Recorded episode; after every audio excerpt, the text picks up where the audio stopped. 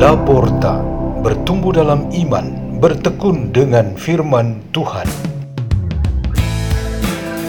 Radio Laporta, pintu terbuka bagimu untuk pertumbuhan pengetahuan dan kebijaksanaan tentang Allah.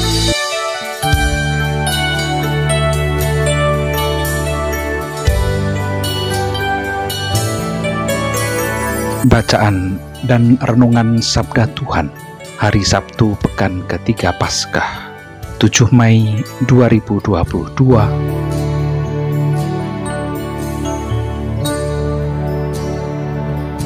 Dibawakan oleh Dominika Eni Widyastuti dan Ignatius Teguh Eka Priantanto dari Gereja Santo Ambrosius, Paroki Villa Melati Mas BSD, Kuskupan Agung Jakarta.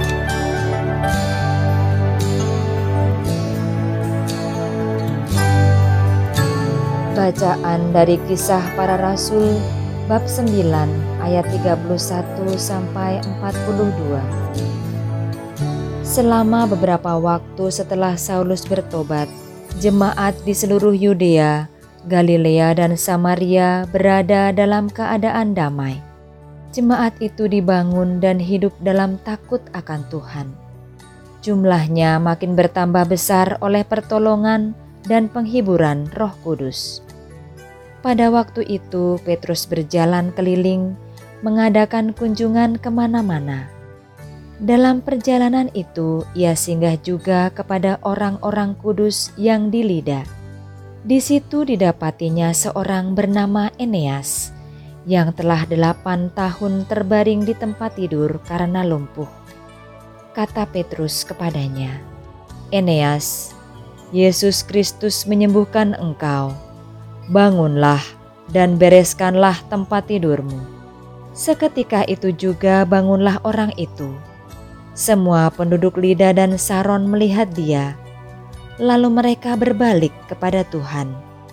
Di Yope, ada seorang murid perempuan bernama Tabita, dalam bahasa Yunani Dorcas. Perempuan itu banyak sekali berbuat baik dan memberi sedekah. Tetapi pada waktu itu ia sakit lalu meninggal. Dan setelah dimandikan, mayatnya dibaringkan di ruang atas. Adapun Lida dekat dengan Yope. Maka ketika murid-murid mendengar bahwa Petrus ada di Lida, mereka menyuruh dua orang kepadanya dengan permintaan, "Segeralah datang ke tempat kami." Maka berkemaslah Petrus dan berangkat bersama-sama dengan mereka. Setelah sampai di sana, ia dibawa ke ruang atas, dan semua janda datang berdiri di dekatnya. Sambil menangis, mereka menunjukkan kepada Petrus semua baju dan pakaian yang dibuat Dorcas waktu ia masih hidup. Tetapi Petrus menyuruh mereka keluar. Ia berlutut dan berdoa. Kemudian ia berpaling ke mayat itu dan berkata, "Tabita, bangkitlah."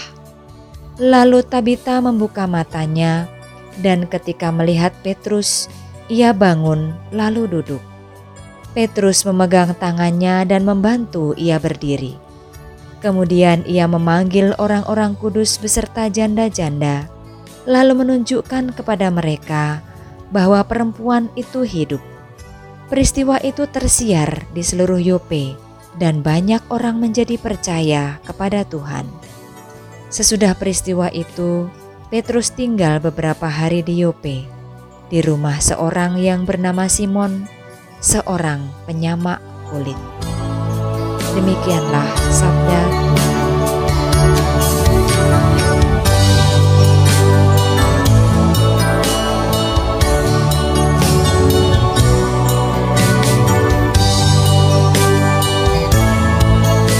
Tema renungan kita pada hari ini ialah roti hidup mendorong untuk berjalan maju.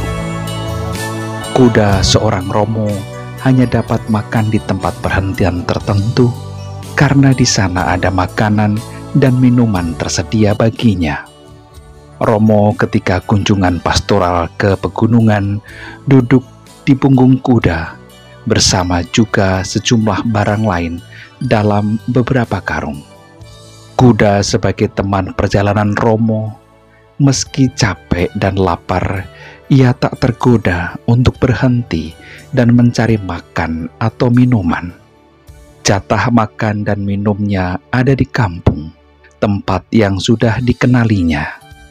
Makanan dan minuman itulah yang memotivasi kuda untuk berjalan terus dalam arah yang sama, dan tak mungkin ia berganti haluan. Kuda tak peduli beban yang dibawa dan keletihan. Ia hanya tahu bahwa nanti pas berhenti ada makanan yang tersedia baginya. Roti hidup Yesus Kristus membuat kita di dalam gereja berjalan terus ke tujuan yang sudah pasti menurut Tuhan sendiri. Seperti makanan yang memotivasi kuda berjalan terus, kita juga terdorong, bahkan terdesak untuk berjalan terus dan berbuat seperti Sang Guru kita, Yesus Kristus. Dia menjadikan dirinya makanan kita, mengajarkan dan memasukkan anggota baru ke dalam gereja pertobatan, dan pembaharuan diri, penyembuhan, seperti yang dilakukan oleh Petrus dalam bacaan hari ini, dan membangun komunitas. Semua ini menjelaskan bagaimana kita, sebagai gereja dan anggotanya, bergerak maju untuk mewujudkan pekerjaan-pekerjaan Yesus Kristus. Gereja mesti bergerak dan berjalan maju Roti hidup Yesus Kristus sepantasnya mendorong, mendesak, bahkan menuntut dengan tegas. Makan tubuh dan minum darah Yesus Kristus sama dengan memakai diri Yesus Kristus ke dalam diri kita masing-masing, sehingga rohnya menguasai kita. Risikonya ialah kita harus menjalankan kehendaknya. Banyak orang dengan kebebasan tanggung jawab dan optimisme menerima risiko itu dengan sukacita. Maka gereja perdana berkembang cepat dalam jumlah dan rasa nyaman dirasakan oleh semua. Gereja ini berjalan terus sampai menjadi gereja saat ini. Gereja saat ini juga mengikuti jalan Yesus Kristus dan terus berjalan maju namun ada yang terpaksa memutuskan untuk menolak, mengambil jalan lain, atau berbalik. Ada sebagian anggota gereja saat ini menolak ajaran Kristus, dan gerejanya yang terlalu keras dan menuntut, karena semangat hidup mereka sudah berseberangan sendiri. Semoga Anda tidak termasuk dalam kelompok ini. Marilah kita berdoa dalam nama Bapa dan Putra dan Roh Kudus. Amin. Tuhan dan Allah kami, pujian dan terima kasih karena Yesus Putramu sebagai jalan, kebenaran, dan kehidupan kami. Semoga kami senantiasa setia kepadanya sekarang dan sampai selama-lamanya. Kemuliaan kepada Bapa dan Putra dan Roh Kudus seperti pada permulaan, sekarang, selalu, dan sepanjang segala abad. Amin. Dalam nama Bapa dan Putra dan Roh Kudus. Amin. Radio Laporta, pintu terbuka bagimu.